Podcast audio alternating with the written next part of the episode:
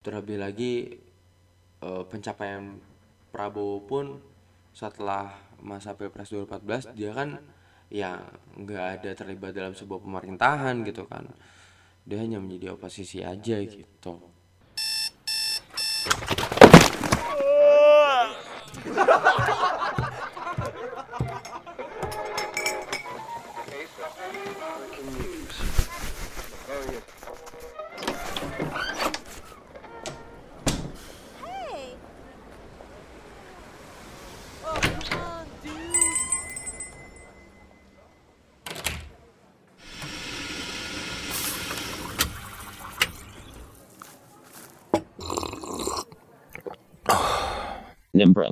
Easy listening.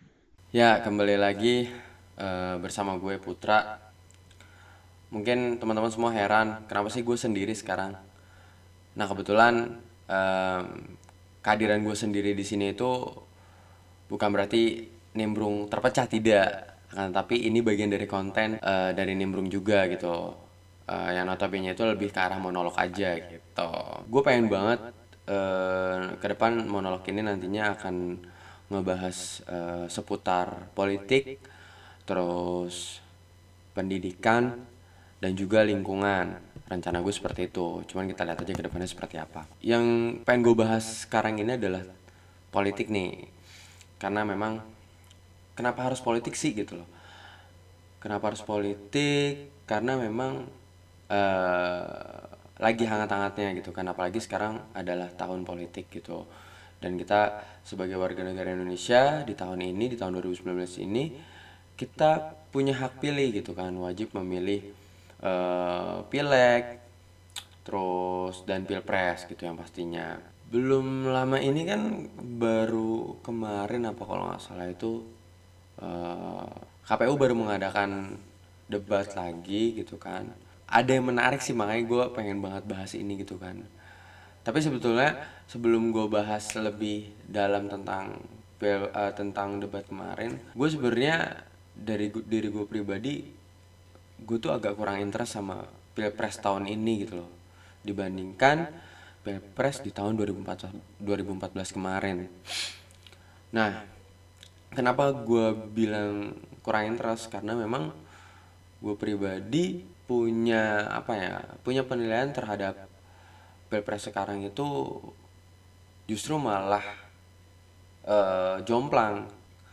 Kenapa karena jomplang? Karena menurut gue justru pilpres tahun ini itu pasangan 01 itu lebih diuntungkan karena incumbent kan petahana. Otomatis dia pasti akan ngebahas eh, ataupun akan berkampanye tentang apa yang sudah dia jalankan, apa yang sudah dia kerjakan seperti itu selama dia menjabat gitu. Kalau di tahun 2014 kemarin kan lebih fair gitu loh, ya kan?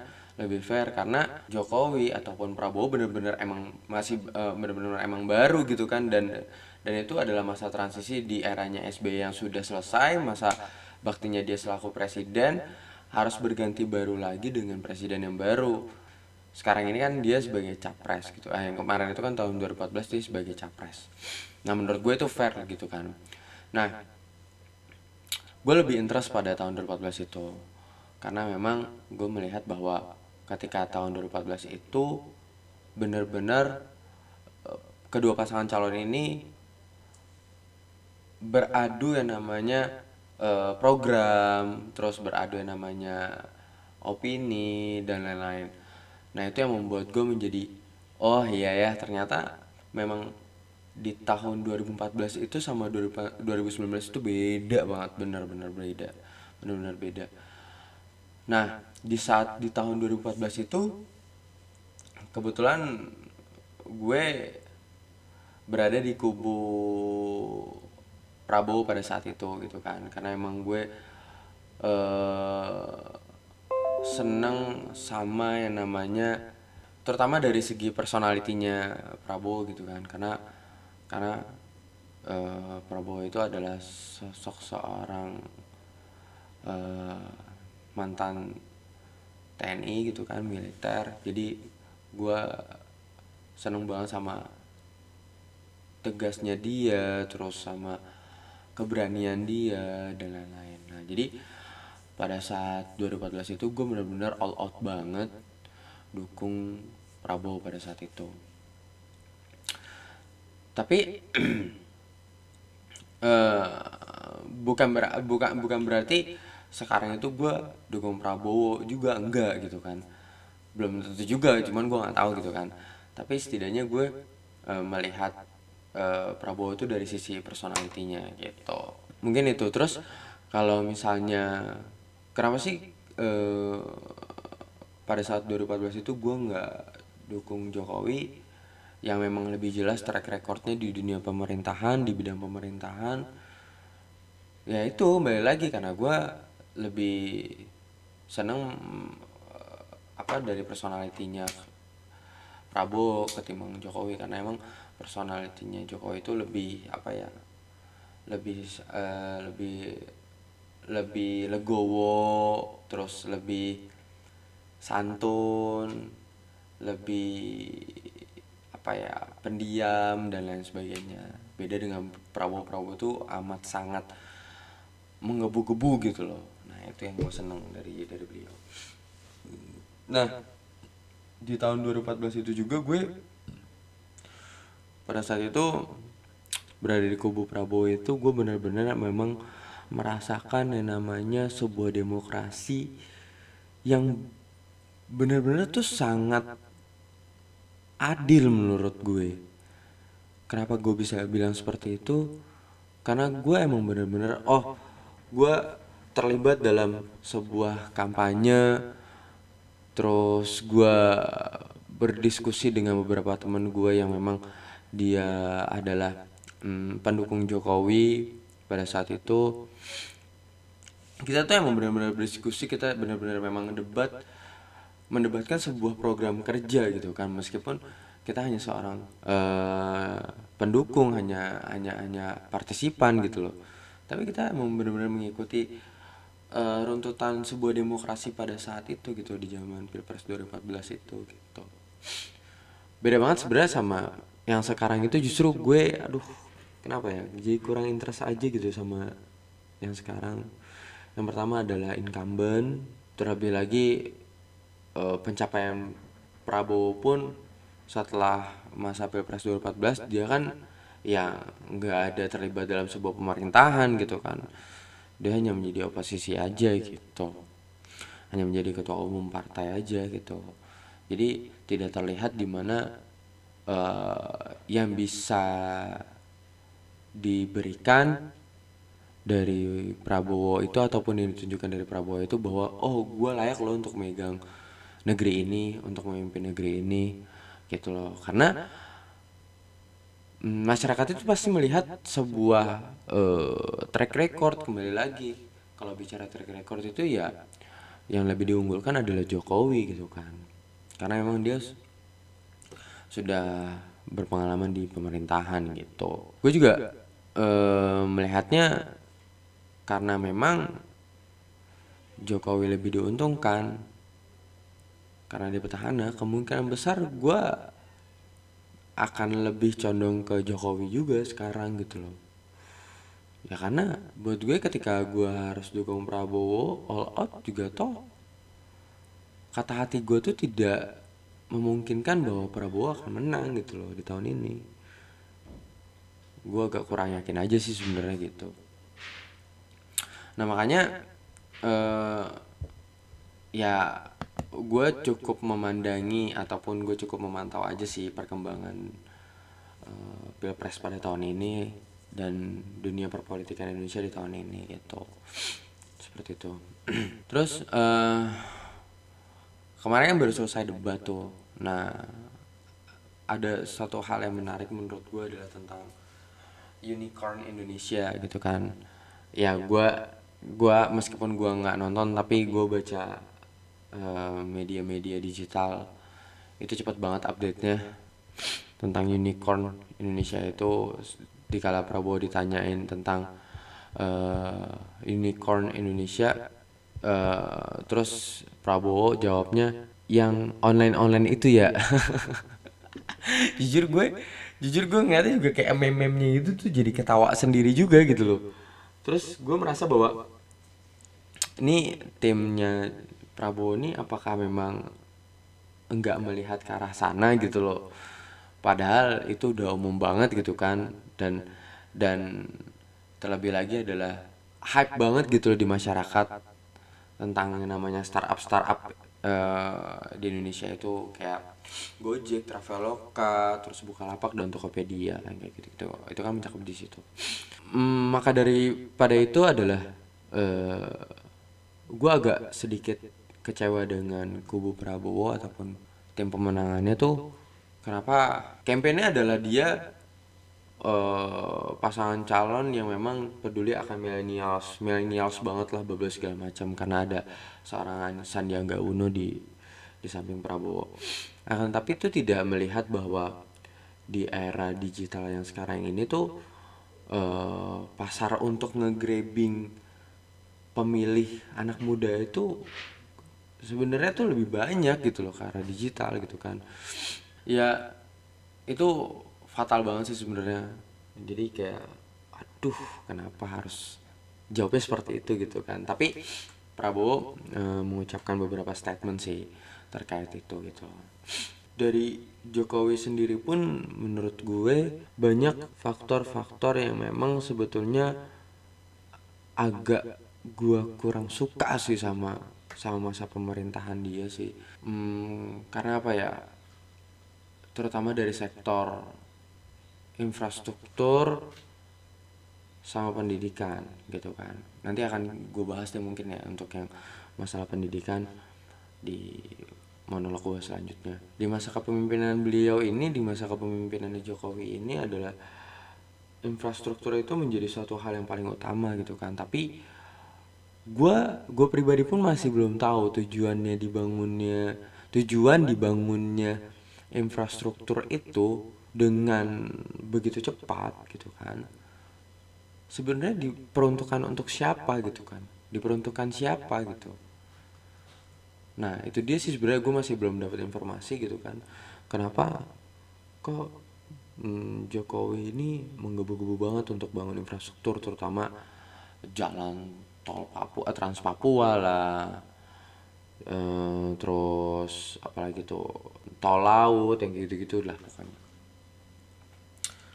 Nah itu dia sebenarnya banyak faktor yang memang banyak sektor sih. Sorry banyak sektor yang harus lebih didahulukan seperti pendidikan. Menurut gue yang memang notabene itu adalah pendidikan itu amat sangat begitu penting karena itu berkaitan sama human resource Indonesia ke depannya gitu. Nah eh, berkaitan sama debat pilpres kemarin lagi eh, kemarin balik lagi. Di sini gue baca di sebuah eh, media digital ternyata tuh kemarin tuh kemarin tuh ternyata kemarin tuh eh kan Jokowi sempat sindir Prabowo terkait perihal masalah kepemilikan tanah Prabowo yang ada di Kalimantan tersebut kan. Nah di situ Prabowo menjawab eh, jikalau itu ada eh, sorry itu adalah tanah negara. Jikalau negara ingin mengambilnya silahkan ambil. Karena saya eh, nasionalis dan patriot gitu loh. Kalau nggak salah seperti itu ya. Kalau nggak salah. Ternyata tuh dilaporkan sama sama kubunya Prabowo ke Bawaslu. Jadi itu eh dimasukkan ke dalam atas laporannya gitu kan berasa atas laporannya capres nomor urut satu itu atas tuduhan pelanggaran pemilu karena menyerang pribadi capres Prabowo Subianto saat debat kedua pilpres kemarin. Emang itu cakupannya eh, menyerang pribadinya Prabowo ya? Padahal menurut gue adalah itu kayak itu kan sebenarnya kan diperuntukkan Prabowo eh, di tanah tersebut kan difungsikan oleh Prabowo untuk bisnis ya. Mungkin itu bukan ke arah menurut gue ya bukan ke arah eh, ke pribadinya si Prabowo itu gitu. Bukan ke arah pribadinya Prabowo gitu kan. Tapi lebih ke arah ya disindir ataupun dikritik tentang bisnisnya dia gitu loh. Terus yang melaporkan itu adalah eh, dari tim advokatnya Indonesia bergerak TAIP Dan mereka pun menuding Jokowi menyerang pribadi Prabowo dengan menghina yang bersangkutan ketika debat. Nah, gue baca di Kompas nih, sorry. Eh, tudingan itu mengacu pada pernyataan Jokowi yang menye- menyebut kepemilikan lahan Prabowo di Kalimantan Timur.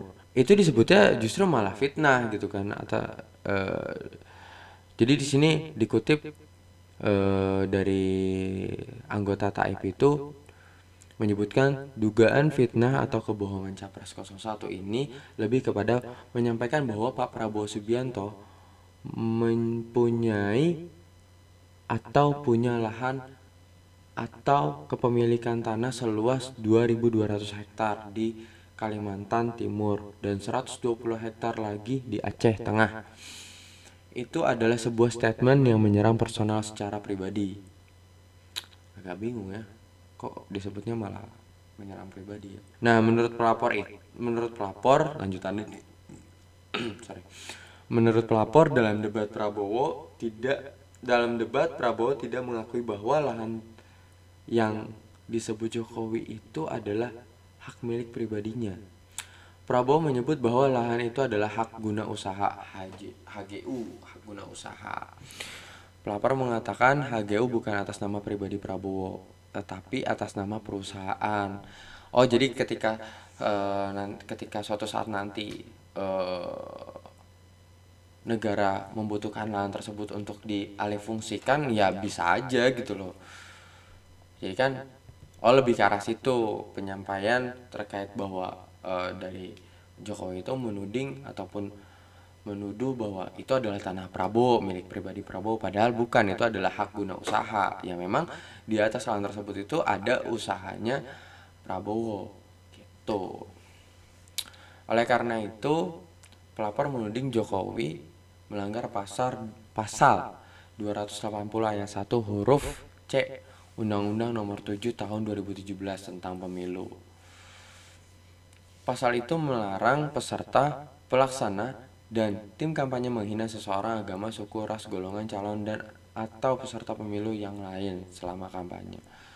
Oke, jadi lebih ke arah kalau kalau bisa dibilang fitnah sih eh iya juga menuduh iya juga karena faktanya bukan tanahnya Prabowo, bukan. Maksudnya ya sertifikatnya bukan sertifikat Prabowo gitu kan. Eh itu salah satunya gitu kan Eh, yang eh, Jokowi yang menyinggung perihal tanah Prabowo ataupun kepemilikan tanah kepemilikan lahan yang itu dilaporkan ke bawah oleh kubunya Prabowo. Menurut gue sih sebenarnya kalaupun harus memang diselesaikan tan bu, bukan diselesaikan tanpa harus ke bawah sih sebenarnya eh ya udah lah ya yang kayak gitu kan namanya nyerang ya sah-sah aja gitu kan. Tapi kalau misalnya berkaitan sama pribadi ya ya contoh misalnya penyampaiannya adalah tanah tersebut atas kepemilikan Prabowo. Prabowo hanya mengambil keuntungan sendiri eh, tidak disetor ke hasilnya tidak disetor ke negara bla bla bla segala macam. Itu itu baru oke lah maksudnya itu lebih jelas gitu kan. Tapi ya mungkin aja sih sebenarnya karena kan kita negara hukum ya jadi semuanya itu bisa bisa apa namanya bisa terjadi gitu kan. Berdasarkan statement kah opini kah dan lain sebagainya. Kayak gitu. Terus ada lagi nih eh, di kumparan.com trending beritanya itu terkait pakar benarkan dugaan Prabowo unicorn bisa bawa kabur uang dari Republik Indonesia itu headline tuh ya judulnya Prabowo itu menyampaikan eh, bahwa eh, rasa kekhawatiran Prabowo itu terhadap eh, startup-startup itu yang memang disokong dananya ataupun investornya dari luar. Direktur Eksekutif Indonesia ICT Institut Heru Sutadi pun mengamini hal tersebut. Sebab sejauh ini mayoritas investor startup yang berstatus unicorn di Indonesia berasal dari luar negeri yang berimbas pada komposisi pemegangan saham. Jadi eh, semakin banyak investor asing ke dalam Indonesia terutama yang di, eh, dibahas ini adalah startup unicorn Indonesia itu kemungkinan besar emang untungnya itu malah beralih ke ke luar negeri juga gitu loh ke perusahaan-perusahaan asing juga gitu karena di sini tuh kan tertera bahwa dari luar apa eh, imbasnya itu pada komposisi pemegangan saham Unicorn Indonesia sekarang investornya mayoritas berasal dari luar negeri. Ini yang akan berimbas pada komposisi pemegangan saham. Dampaknya adalah jika ada keuntungan, maka porsi yang dibawa ke luar negeri juga makin besar. Nah, itu penyampaian dari eh, direktur ICT tadi, Harus tadi. Bener juga sih sebenarnya kalau bisa di, kalau dipikir-pikir memang ya toh juga orang apa pihak asing ataupun perusahaan asing ini gue kasih duit lo sekian triliun gitu kan ya pasti di situ sahamnya kan nggak mungkin dia ngasih duit cuma-cuma kan pasti ada MOU dan lain-lainnya gitu kan termasuk juga pembagian saham pembelian saham dan lain sebagainya gitu kan. Nah selain itu eh, kata Heru nih yang tadi ya eh, direktur direktur eksekutif ICT itu yang juga mantan komisioner Badan Regulasi Telekomunikasi Indonesia BRTI jika startup unicorn melantai di bursa efek dengan inisial inisial inisial public offering maka dana yang dibawa ke luar negeri bisa jauh lebih besar. Oh, gue masih belum tahu nih tentang bursa efek nih. Mungkin nanti gue akan belajar. Misal IPO, IPO, maka dana yang dibawa kembali ke luar negeri juga bisa jauh lebih besar. Itu yang tidak dipikirkan orang banyak. Dia eh, dia menambahkan selain mengincar keuntungan, investor luar negeri tertarik menanamkan dananya patut diduga juga karena ingin mengetahui analisis big data Indonesia. Sebab analisis big data itu bisa menginformasikan perilaku masyarakat setempat. Oke, oke, oke, oke. I know, I know. Oh, jadi tujuan lain dari eh, investor luar negeri itu eh, ke Indonesia adalah yang pertama untuk eh, big data. Jadi itu kan kan sering banget tuh kita tuh daftar daftar sebuah akun di di eh, platform Tokopedia, Bukalapak, Traveloka dan lain-lain gitu di Gojek. Nah, itu sebenarnya data diri kita itu disimpan di dalam big data tersebut yang nantinya akan dipergunakan entah apa itu digunakannya untuk apa gue kurang tahu juga ke depannya seperti apa gitu. Jadi memang kita tuh kalau bisa ya ma- makanya gue sempat berpikiran bahwa ketika gue mau daftar satu platform ya gue jual data lagi nih. Ya gue jual data gue nih.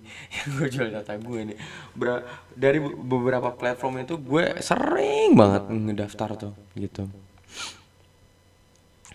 Makanya eh, mungkin gue sekarang lebih berhati-hati sih. Cuman kayak tidak mungkin gitu loh ketika daftar sesuatu akun gitu kan tanpa tanpa mencantumkan pribadi karena itu salah satu syarat biar akun kita itu sukses eh, apa namanya daftarnya gitu loh sukses daftarnya gitu kan. Kalau nggak diisi kan otomatis nggak nggak nggak sukses gitu kan.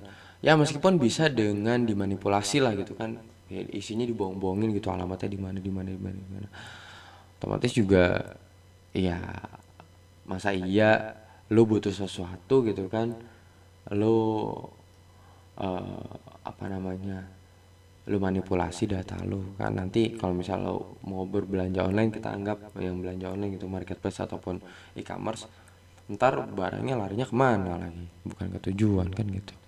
Dari dari perdebatan kemarin tuh gue memang apa ya kurang interest lah gue jujur pribadi. Karena nggak ada gregetnya di tahun ini pilpres. Ya kita lihat aja. Cuman prediksi gue nih ya prediksi gue Jokowi bakal menang lagi dua periode. Bisa kalah Jokowi asalkan Prabowo ini benar-benar menjual program.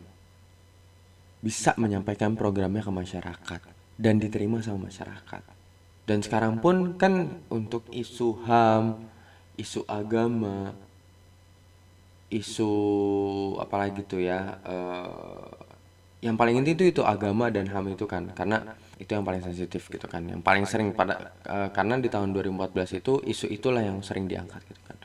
Sekarang ini lebih ke arah dari kubu Prabowo pun menyampaikan tentang ekonomi ekonomi ekonomi ngebahasnya tentang ekonomi ekonomi ekonomi lagi gitu loh. Nggak bicara program kerja yang akan dia cenangkan itu apa gitu loh.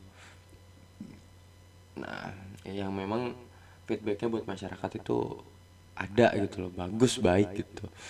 Nah kalau dari Jokowi sebenarnya sih kubu Jokowi TKN itu santai sih karena dia tinggal menyampaikan apa yang sudah dia jalanin aja gitu kan.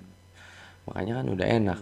Gue gue ya itu dia kenapa gue bisa memprediksi bahwa Jokowi akan menang. Karena itu petahana dan dan udah menjabat dan enak udah. Kampanyenya juga udah enak. Apalagi seluruh masyarakat Indonesia udah tahu bahwa dia itu adalah presiden Indonesia gitu kan. Berbeda dengan Prabowo ataupun Sandiaga Uno ketika ke sebuah daerah di mana pun tempatnya belum tentu dikenal juga kan gitu. Kalau tidak kalau belum ada sosialisasi dari apa namanya orang-orangnya Prabowo di sekitarnya gitu. Eh, untuk masalah un- untuk pilpres ataupun eh, pesta demokrasi di tahun ini harapan gue sih sebenarnya tetap menjaga eh, harmonis be- harmonis satu sama lain terutama untuk para pendukungnya. Tetap ya kita kan saudara kita se Indonesia meskipun kita beda-beda opini tapi eh, kita tetap saudara gitu kan. Kita kita anak bangsa kita anak Indonesia. Jadi siapa pun pilihan kalian ya udah. Kalau kalian rasa itu tepat buat lu pilih ya udah coblos aja gitu kan. Dan ja- dan usahakan sih hindari golput ya karena sayang banget cuy. Sayang banget karena itu adalah hak pilih lu. Ketika lu golput lu justru malah menjual hak pilih lu ke orang lain. Yang memang notabene itu nantinya digunakan di tempat yang salah gitu loh. Pada tempat yang salah gitu kan. Kan bahaya banget gitu. Jadi usahakan jangan golput. Harus pilih baik itu eh, pemilihan presiden ataupun pemilihan legislatif. Pilih. Oke eh, mungkin itu sih pembahasan gue tentang politik eh, introduction awal awal podcast monolog gue. Mungkin nanti Fadil akan bikin juga sih bikin juga. Oh ya by the way eh, eh, monolog ini bukan berarti gue sama Fadil itu jadi terpecah enggak. Tapi tetap tetap eh, satu gitu loh kan. Yang yang diskusi yang diskusinya tuh tetap ada gue sama Fadil gitu. Tetap ada. Nanti kan kalau yang gue sama Fadil itu kan nggak cuman gue sama Fadil doang ke depan nanti ada interview interview interview. Ntar gue ngundang narasumber narasumber juga gitu. Nah mungkin gue pengen eh, monolog kayaknya asik juga gitu loh. Oke eh, ambil baiknya buang buruknya. Mohon maaf mohon maaf banget kalau misalnya gue ada salah-salah kata. Ya kembali lagi ini atas dasar opini gue gue menyampaikan opini gue gue menyampaikan keresahan gue. Kalau diterima syukur enggak ya udah terserah daripada kalian. Intinya gue pengen bagi pengalaman gue. Next episode monolog gue mungkin akan bahas pendidikan. Ya gue akan bahas sektor pendidikan gitu kan. Yang politik udah besok gue akan bahas pendidikan. Doain aja biar konsisten monolognya ya setidaknya gue bisa memberikan informasi yang yang mudah didengar lah. Informasi yang mudah didengar mudah dicerna mudah diterima. Oke terima kasih eh, gue Putra thank you